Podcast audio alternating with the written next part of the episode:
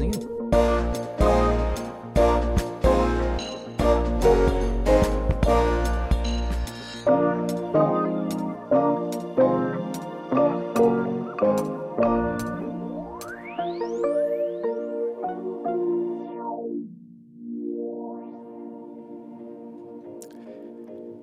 Interneringsleirene i Xinjiang har blitt ytterligere dokumentert av en modig kinesisk journalist.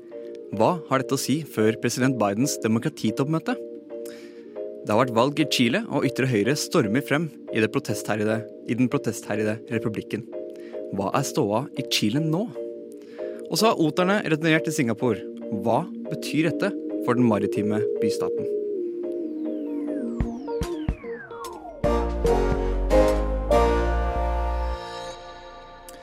Hjertelig god fredag og god morgen, og velkommen til Opplysningen til 9,3 her på Radio Nova. Vi er som kjent, kanskje, for de fleste, kanalens samfunns- og aktualitetsmagasin. Og i tillegg til sakene jeg allerede har nevnt, skal vi dekke aktivisten Kim Friles liv og virke senere i denne sendingen. Og med meg i studio i dag har jeg deg, Daniel Johansen. Velkommen til deg, og god morgen. God morgen, Sebastian. Flott. I datoen i dag, det er fredag 26. november. Det er som kjent Black Friday. Har du handla noe, noe, på Black Friday, eller har du handla noe på Black Week, som det nå heter, Daniel? Jeg har ikke handlet noe på Black Week, men jeg håper kanskje gjør en god deal i dag. Da. Oh, en god deal i dag. Da må du være tidlig ute, for kjøpesentrene fylles nok opp av folk som skal ha gode tilbud. Og på tilbudssida, det er også vi i dag her i Opplysningen. Vi skal nemlig gi deg akkurat det du trenger, samfunn og aktualitet rett inn i øret. Og vi skal begynne i Kina over hvert øyeblikk, men først skal du få lov til å høre Lekende lett med Late som her i Opplysningen på Radio Nova. God dag og god fredag. Hjertelig god fredag morgen. God morgen, god morgen, god morgen og god morgen. God morgen og velkommen til Opplysningen, Radio Nova sitt samfunns- og aktualitetsmagasin. Med Opplysningen 99,3 på øret, ja, da blir det en god fredagsmorgen. Opplysningen 99,3 hver fredag fra 10 til 11 på Radio Nova. Og klokka har jo blitt seks over ti, så da er selvfølgelig opplysningen på Radio Nova. Og vi skal til første sak, fordi det er om dagen mye snakk om menneskerettighetsbrudd i Qatar. Men en annen versting vil jeg si, Daniel, på menneskerettigheter er naturligvis Kina. Og det skjer utviklinger i Xinjiang om dagen. Hva er det som skjer, Daniel? Ja, altså Vi har jo um, fått se noen uh, videoklipp på YouTube fra kanalen til Guan Guan, uh, som uh, hva skal vi si gir mer innblikk i, i, i de sakene der som har versert ja, de siste fått, ukene. Fått beskrevet eller fått dokumentert i hvert fall, hvordan disse interneringsleirene i Xinjiang, som er da er øst i Kina, hvor disse uigurene eh, bl.a. lever. Men eh, vi trenger ikke å snakke så mye mer om dette, for at vår reporter Benjamin Nordtømme han har gjort en strålende jobb i å dokumentere eller ja, skal nå vi skal nå høre han fortelle oss om denne saken, kan jeg vel så fint si. Så da tar vi en og lytter til Benjamin. Jeg skal nå forsøke å fortelle en historie som nesten like gjerne kunne funnet sted i en spionfilm. En mann med en mission. Filme og avdekke hemmelige konsentrasjonsleirer i Kina. Og metoden? Snikende, kalkulert atferd for å vekke minst mulig oppmerksomhet. Guan Guan sitter nå i bilen på vei gjennom Xinjiang-provinsen og kikker utover det øde landskapet. Ved bruk av en VPN har han funnet satellittbilder som markerer røde, gule og grå prikker. De røde prikkene er angivelig bekreftede leire. De gule er mistenkelige bygninger, og de grå er uklare. Han passerer to militære kontroller, der væpnede vakter stopper og sjekker alle biler som skal inn og ut av området. Et stykke videre i turen kommer han til sitt første mål. Han treffer på nok et uventet checkpoint, der to lokale biler blir sjekket og kontrollert. Til hans store overraskelse vinker politiet Guanguan rett gjennom kontrollen. Men hvorfor? Guanguan er etnisk han-kineser, og han er i turistbekledning. Vi befinner oss i området der kinesiske myndigheter har fengslet nærmere én million mennesker tilhørende den muslimske uigur-minoriteten. Kommunistpartiet har forsøkt å holde lokk på denne hemmeligheten ganske lenge, og de bytter strategi svært, svært ofte. Senest gikk man fra totalt nekte for at leiren eksisterer, til å kalle det omskoleringssentre. Internasjonal presse og menneskerettighetsorganisasjoner er svært uønsket. Men Guanguan, som kinesisk borger, kan derimot ferdes litt friere. Fra bilen klarer han å filme sine fire første mål. Én etter én fremstår de som gigantiske forseglede fengselskomplekser. Omkranset av høye murer, vakttårn og hundrevis av overvåkningskameraer ved alle hjørner. Guan-Guan sier han ikke tør å gå ut av bilen, i frykt for å vekke soldatenes oppmerksomhet. Noen timer senere ankommer han Gauke Road, der en rad av interneringsleire dekker hele venstre side av veien, fra ende til ende. Hver av lyktestolpene i gaten har overvåkningskameraer som dekker 360 grader. Ved sitt siste stopp er han nødt til å parkere bilen et stykke unna. Guan-Guan legger seg på magen og kravler oppover en støvete åskam. Der finner han ved en ren tilfeldighet et hittil helt ukjent anlegg, med kapasitet til å holde 30 000 mennesker. Han knipser et bilde av et skilt med påskriften 'Reform gjennom arbeid'. Amnesty International leverte nylig et svært kritisk brev til kinesiske ambassader som del av en global kampanje underskrevet av 350 000 mennesker. Nå med økt press og økt oppmerksomhet forventes det at interneringen av uigur-minoriteten blir et hovedtema på Joe Bidens demokratitoppmøte. Guamguans innsats har avdekket flere konsentrasjonsleirer som verdenssamfunnet nå kan se for aller første gang. 9. og 10. desember samler altså den amerikanske presidenten mer enn 100 ledere fra demokratiske land. De skal snakke sammen om felles utfordringer i møte med autoritære regimer. Deriblant finner vi også Norge. Her i landet har vi kanskje litt manglende inntrykk av hva som rører seg under overflaten i Kina. I Opplysningen har vi gjort en innsats for å vise noen av de helt unike sosiale understrømningene som gjerne blir tapt i medielandskapet. I Kina har en regimekritisk intellektuell generasjon lenge vært underrepresentert. The Chinese government's persecution of Uyghurs is beyond imagination. One who does not wish to be enslaved cannot bear the sight of others being enslaved. Down with the CCP. May it be dissolved sooner rather than later. I flere av sine filmer siterer Guanguan den tyske sosiologen Max Weber, og sier han er inspirert av Liu Xiaobo, den kinesiske dissidenten som overlevde bl.a. Tiananmen-massakren, og som fikk den norske Nobelkomiteens fredspris for noen år tilbake.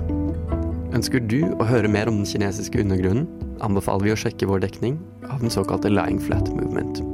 Du kan regne med at opplysningen kommer til å dekke det du ellers går glipp av fra dette mystiske landet. Det er nok ikke siste gang vi hører om spennende ting som skjer i Kina.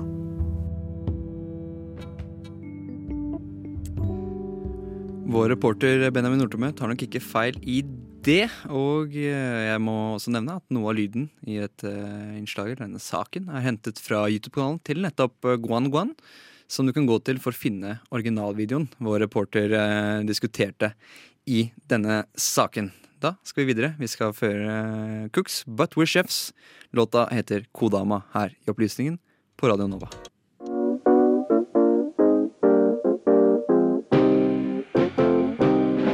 Du hører på Radio Novas samfunns- og aktualitetsmagasin Opplysningen. Hver fredag fra klokken 10 til 11 på Radio Nova. Opplysningen på Radio Nova.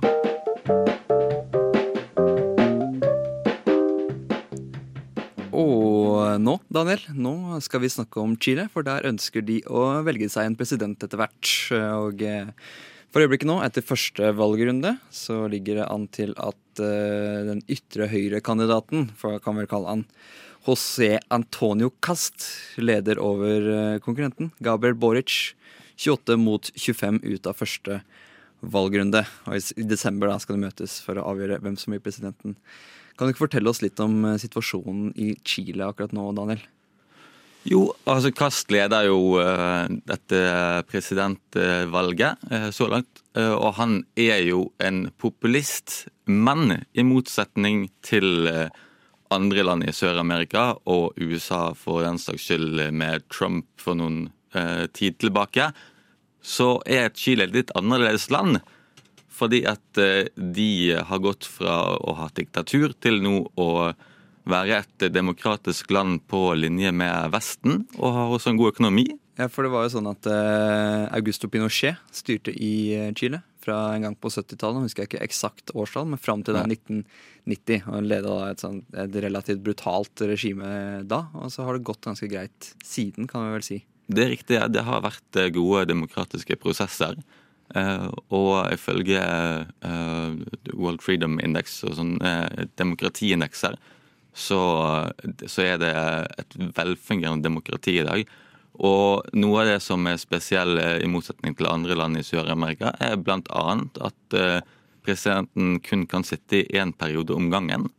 Ja, men Du fortalte meg jo før vi gikk inn her at det, det fører jo til litt sånn spesielle ordninger der du har fortsatt få kandidater, eller få, få faktiske presidenter, men de bare sitter i tandem, eller åssen er dette? Ja, ja, det blir litt som at uh, med forrige Solberg-regjering, at det først det skulle vært Erna Solberg som statsminister, og så skulle Bent Høie tatt over, og så skulle det vært samme regler med Arbeiderpartiet nå, da.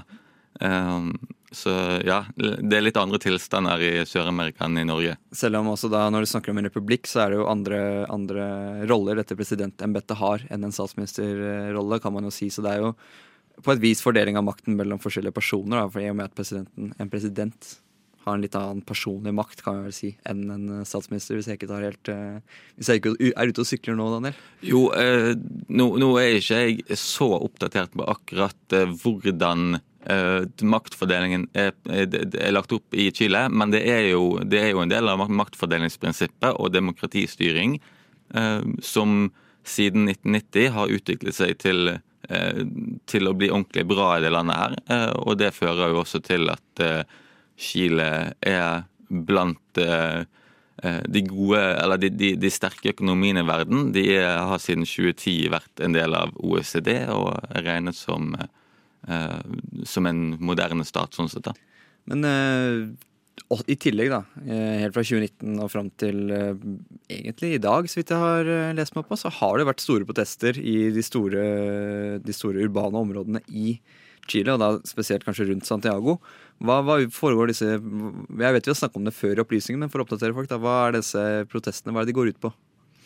Ja, altså Protester eh, går jo ofte på, på, på ulikheter i samfunnet, eh, som vi også ser i Chile. Eh, underklassen er mye større enn overklassen, mens pengene i samfunnet de ligger eh, hos overklassen. Og studenter, sånn som oss, eh, vi er ofte blant de første som gjør opprør. Sånn var det også i eh, Chile. Og i 2020 så kan man vel si at det klikket for studentene. Eh, og de, de satte i gang et opprør. Men det som er litt spesielt, er at hvis man sammenligner det med de andre landene i Sør-Amerika, sånn som eh, Colombia eller Venezuela og sånn, så, så, så, ser det ut til at de voldsomme demonstrasjonene som var i Chile i 2020, er i ferd med å gi demokratisk utfall. I hvilken form da, Daniel? Eh, de skal eh, endre Grunnloven, eh, eller lage et nytt sånn charter, som det kalles da. Nå er det en langvarig prosess, sånn som det skal være. Så det må nesten Opplysningen 99,3 følge med på videre. Det skal vi nok få høre mer om senere, men jeg lurer fremdeles på, for disse prosessene ble utsatt, utløst da i 2019 av bl.a. at det var høye, høye pri, pri, prisene steg i, i kollektivtrafikken bl.a. Men er, det må jo være noen, noen, større prosesser bak dette, annet enn ja, fattigdom og sånt som du nevner. Ja.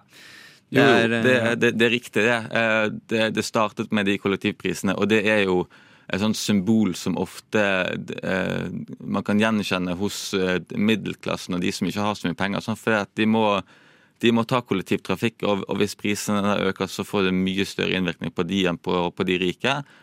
Men så er det sånn, det er jo en liten sånn, hva skal vi kalle det for nesten en liten, en liten teaser for det som kommer. Og det som kommer, er jo alltid de, de store forskjellene på rik og fattig, på ulikhet. Eh, som det ut, utvikler seg til. Og det er jo det han, han karen som du kanskje husker navnet på, han som er, er altså, på venstresiden, som har vært eh, involvert i det. Gabriel Boric, kandidaten ja. for den venstrevridde den venstrevridde bevegelsen da, eh, i Chile, i hvert fall. Partiet hans er iallfall et, eh, et venstrevridd parti, eh, for å si det sånn. Men eh, poenget jeg ville komme fram til, da, som du også pekte på, er at det er ikke kun disse, disse kollektivprisene som gjør at du får to år med, med opprør i et så velfungerende, tilsynelatende velfungerende land som det Chile er. Nå tror jeg vi skal dekke Vi skal nok komme tilbake til disse presidentkandidatene og Chile senere, for det er mye å ta av der. Men nå må vi gå videre. Vi skal høre Åse og Jada Jada her i Opplysningen as much as it's been 20 years since apartheid, like blacks have been freed, not much is, like has changed. Så her er det jo helt klart at regjeringen ikke leverer faktisk på at Norge skal bli det beste landet i verden for skeive. Chavez is the guy who finally could destroy Venezuela. Opplysningen hver fredag mellom klokken 10 og 11 på Radio Nova. Mandag 22.11. denne uken, altså, gikk eh, dessverre Kim Friele bort. Hun ble 86 år gammel og har i et helt liv jobbet iherdig for uh, skeives rettigheter her i Norge, helt fra tiden da likekjønnet sex var straffbart. Bea kaller henne bl.a. Eh, vår tids modigste helt, og for å diskutere henne her i studio, og, eller ikke henne, men hennes virke og hennes liv, har vi fått uh, hjelp av både Melina og Lilly fra Radio Novas helt egne lobbyen. Velkommen til dere. Hyggelig at dere er her. Tusen takk. Det er hyggelig å være her. Hei, hei. Hyggelig å være her. Tidlig på morgenen, men det er veldig bra. Tidlig på morgenen, ja. Ikke sant. Nei, ja. Men eh, vi skal begynne å snakke om Kim Friele, og da lurer jeg litt på til å begynne med hva Eller ikke hva, men hvem er Kim Friele for uh, dere? Milja, vil du begynne? Du, Kim Friele er vel kanskje den viktige viktigste enkeltpersonen uh, i Norge, som har gjort mest for flest andre folk. Det er hun som har sørget for at jeg kan Eller kanskje ikke alene, men i hvert fall i stor grad. Hun begynte jo veldig alene. I stor grad sørge for at jeg kan gå trygt på gata. At jeg har i det hele tatt noen rettigheter. At jeg, det, den jeg er, ikke er ulovlig. Og ikke er straffbart, liksom. Og at jeg har rettigheter på lik linje med alle når det kommer til ja, likestilling og Hun fikk eh, inn i rasismeparagrafen så fikk hun den utvida til å gjelde også homofile og lesbiske. Og gjort, hennes arbeid gjør at jeg kan føle meg trygg da, på gata.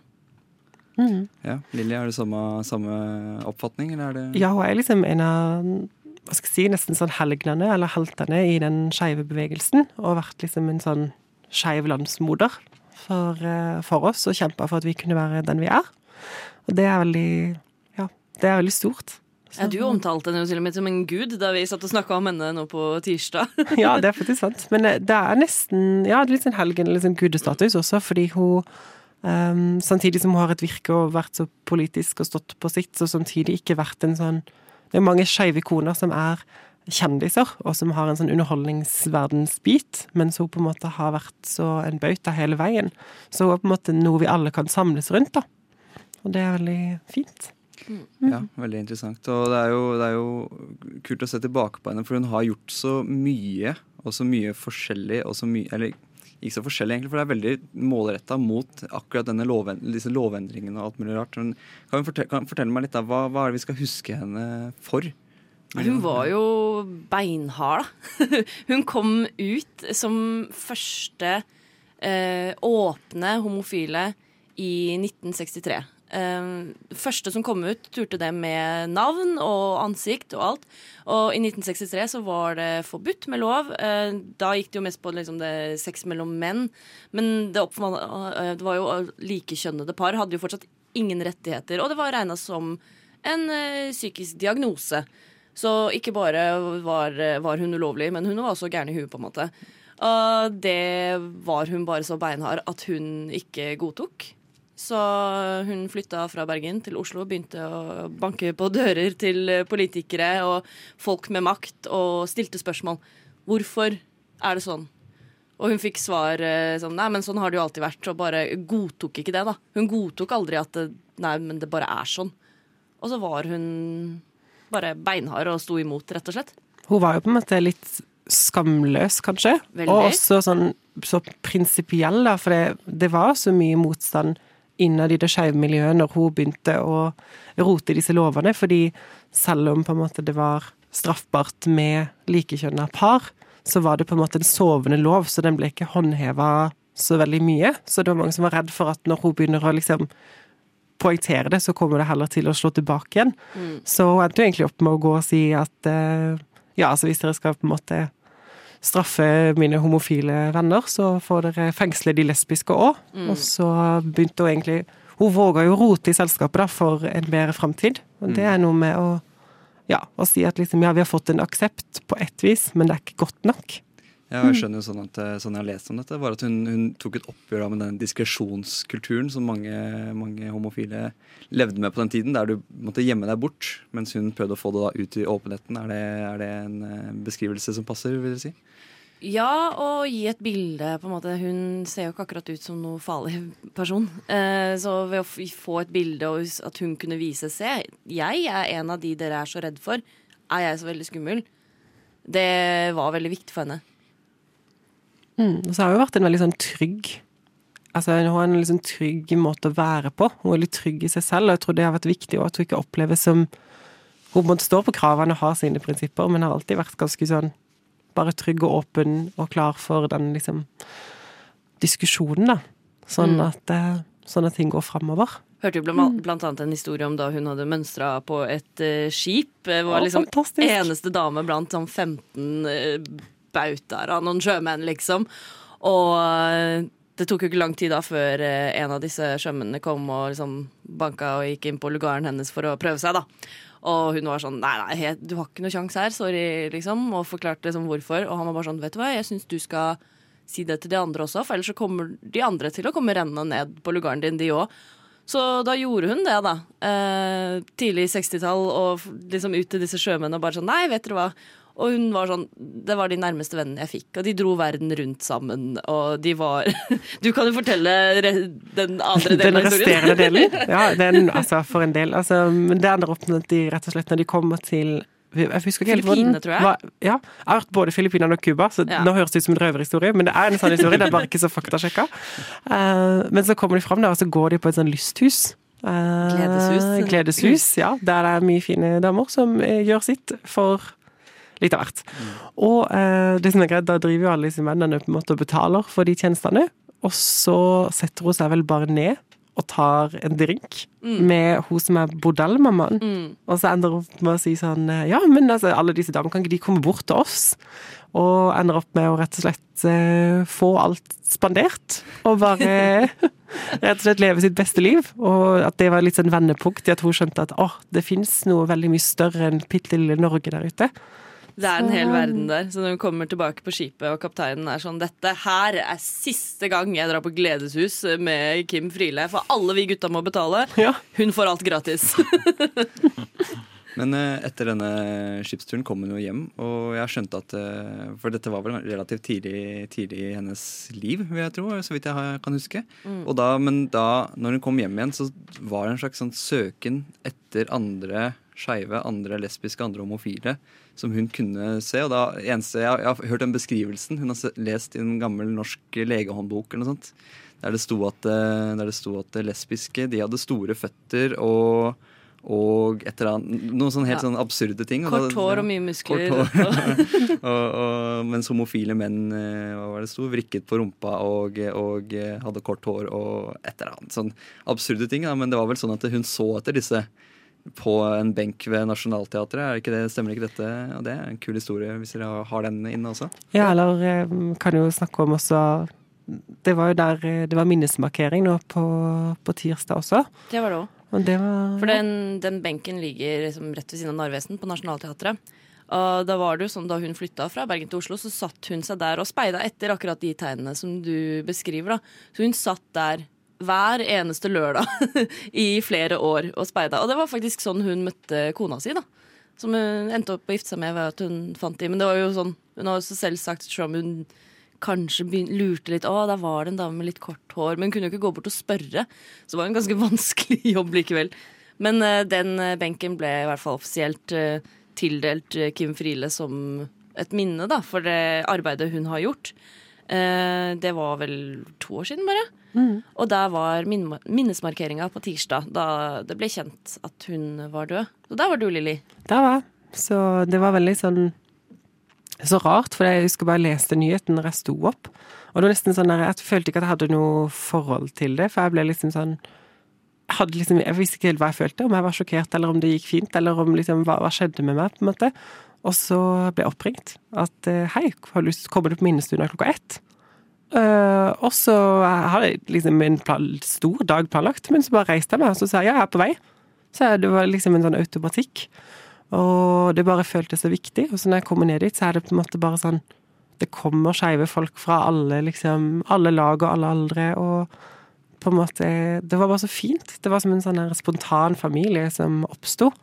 Og kanskje det treffer litt sånn kjernen av hva vi er, da. Så vi er på en måte en familie med folk som er annerledes, men som tar vare på hverandre. Ja, Du sto og leita etter den benken som du var litt usikker på hvor du var òg? Ja, for det var jo også, jeg visste ikke helt hvor den benken var. Så det ble så koselig når, noen, eh, når det kom noen bort til meg som så at jeg, jeg ser jo litt skeiv ut som jeg gjør.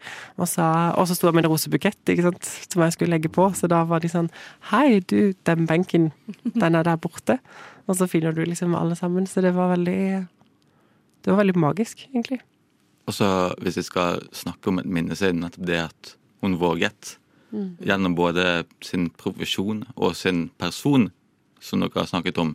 Eh, og det med å være både kvinne og skeiv på den tiden der det er, det er helt fantastisk hvordan hun eh, gjennom disse to tingene, profesjon og person, løftet eh, frem en gruppe mennesker som ja, til nye høyder, kan man si.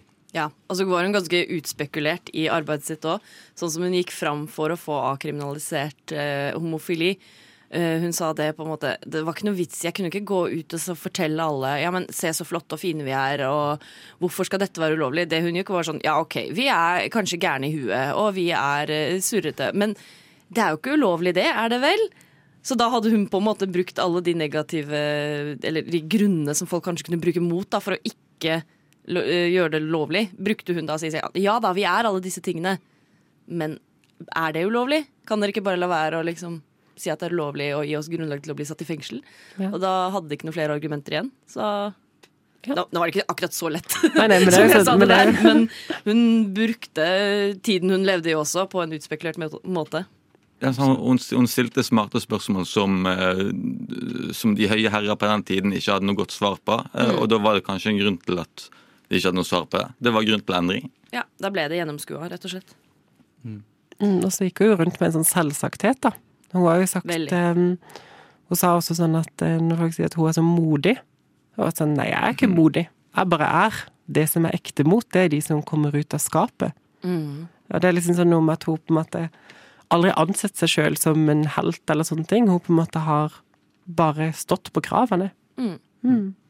Nå har vi gått litt over tiden, men det syns jeg Kim Friele fortjener. Men eh, vi må også videre her i Opplysningen på Radio Nova.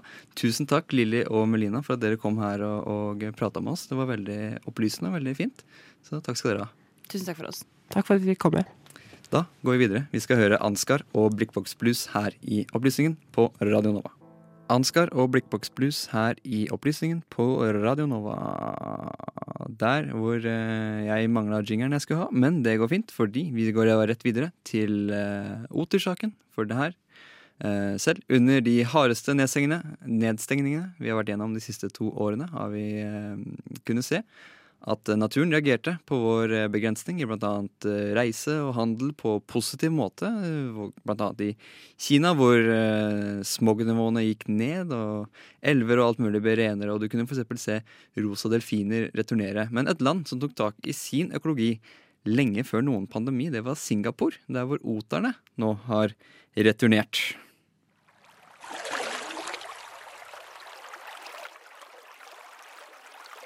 Singapores elver har alltid vært en sentral del av landets handel. Handelsskip fra hele verden fraktet varer både til og fra byens havn. Men med handel så kommer det òg kloakk, søppel og annet skit som renner ut i vannet. Samtidig som landet ble uavhengig, flyttet flere og flere inn i bysentrumet i Singapore. Flere bestemte seg for å ta opp yrket som gateselgere, og dette økte antall grønnsaksboder som lot avfallsvannet renne ut i elven. Vannkvaliteten i republikken ble dårligere og dårligere, og dyrelivet det led. Det var så lite drikkbart vann i landet at de var avhengig av sitt naboland Malaysia for å få tak i nok drikkevann til alle sine innbyggere. Dette ville statsminister Lee Kuan Yew sette en stopper for. I 1977 bestemte han seg for at han skulle gi landets vann et løft. Det var et stort prosjekt som involverte tvangsflytting av over 4000 ufrivillig bostedsløse, gateselgere og grønnsaksboder. Disse fikk tildelt nye steder å bo, eller fikk nye steder å drive butikken sin av staten. De dro òg opp den stinkende gjørmen som lå langs kanten av elvene, og ryddet ut søppel og annet skrot de fant liggende. Hele prosessen av å få rent vann kostet landet over 300 millioner dollar. Dette arbeidet det har gitt resultater. Ikke bare har vannkvaliteten blitt mye bedre, men dyrelivet det har òg kommet tilbake. Et av dyrene som virkelig har blomstret etter at vannkvaliteten ble bedre, det er oteren. Oteren finnes naturlig i området rundt Singapore, men var pga. forurensning drevet vekk og i ferd med å bli lokalt utryddet. Men i 1998, 21 år etter at opprydningskampanjen var satt til verks, var oteren å finne i byen. I 2014 var oteren godt etablert i byen og koste seg med fiskestimer som ikke hadde sett snuten på byttedyr på flere tiår. Det er nå i Singapore minst 90 åttere fordelt på rundt ti storfamilier. Oteren har sitt hjem under broene av sement og bruker avløpsrør som motorveier mellom de forskjellige delene av byen. Otere kan finne på å løpe gjennom rushtrafikken i sentrum, og ligger gjerne og soler seg i byens parker. De forsyner seg med både koifisk og vann fra forskjellige fontener i byen. Enkelt hotell i Singapore har rapportert at oterne har spist fisk til en verdi av rundt 63 000 dollar på åtte måneder. Og med returen av oterne har òg otermania spredd seg i Singapore. Forkjempere for otere er ofte å finne rundt omkring i sentrum, hvor de får biler til å stoppe, sånn at oterne trygt kan komme seg over veien uten å bli påkjørt. Det er flere blogger og Facebook-grupper dedikert til disse oterne. Og her finner vi en litt gøy sammenligning. Konfliktene mellom de forskjellige Ota-familiene har nemlig blitt sammenlignet med konfliktene som er å finne i den populære TV-serien Game of Thrones. Oterfamiliene de er større i Singapore enn normalt ute i naturen, og dette er trolig pga. manglende plass for territorier. Barna blir lengre hos foreldrene sine, og de forskjellige familiene er nødt til å slåss om både territorier og matressurser. Det finnes flere videoeksempler på dette.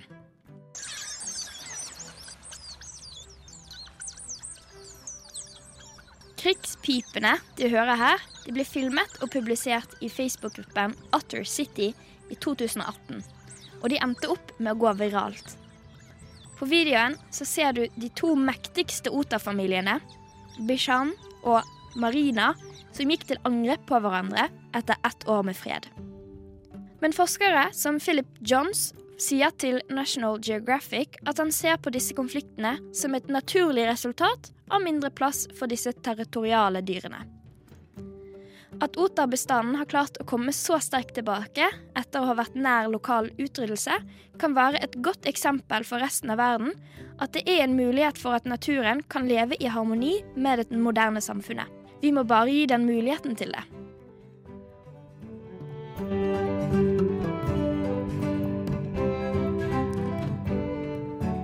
Og reporter i denne saken, det var eh, Lise Benus, som har snakket om oterne i Singapore.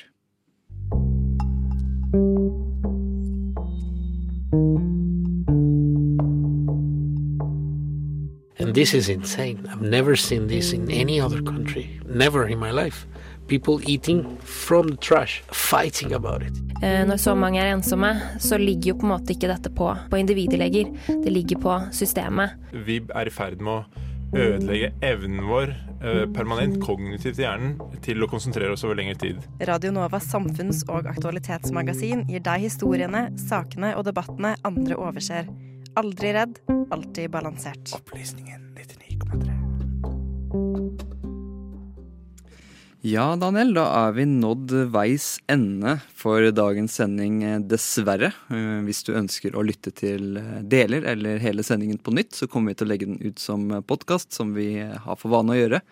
Der ute på der du finner en podkast, ligger det flere hundrevis av episoder med diverse samfunns- og aktualitetssaker fra den aktuelle uken der hvor opplysningen var på radio. Da, Vi kan vel for så vidt si god helg nå, Daniel? Ja, nå dreier jeg til Tsjekkia, så nå sier jeg god helg, Norge. Jo, god helg Norge, og eh, god helg til alle som har vært medvirkende til ukens sending. Der har vi hatt eh, Benjamin Nordtømme og eh, Lise Benus fra Opplysningen, og lobbyens Melina Haugen og Lilly Bergum Horverak. I studio har jeg hatt Daniel Johansen, og mitt navn det har vært Sebastian Hagel. Etter oss kommer Studentnyhetene. Hva er det de skal snakke om i dag, Daniel? Det har vel du litt sånn halvveiskontroll på, i hvert fall. Du har vel en av sakene der, til og med. Så det De eh, skal snakke om eh, litt forskjellige studentnyheter. Litt eh, eksamenspolitikk. Mm, ikke sant? Så det er bare å bli på kanalen, så, så eh, skal de lose deg gjennom den neste timen, da.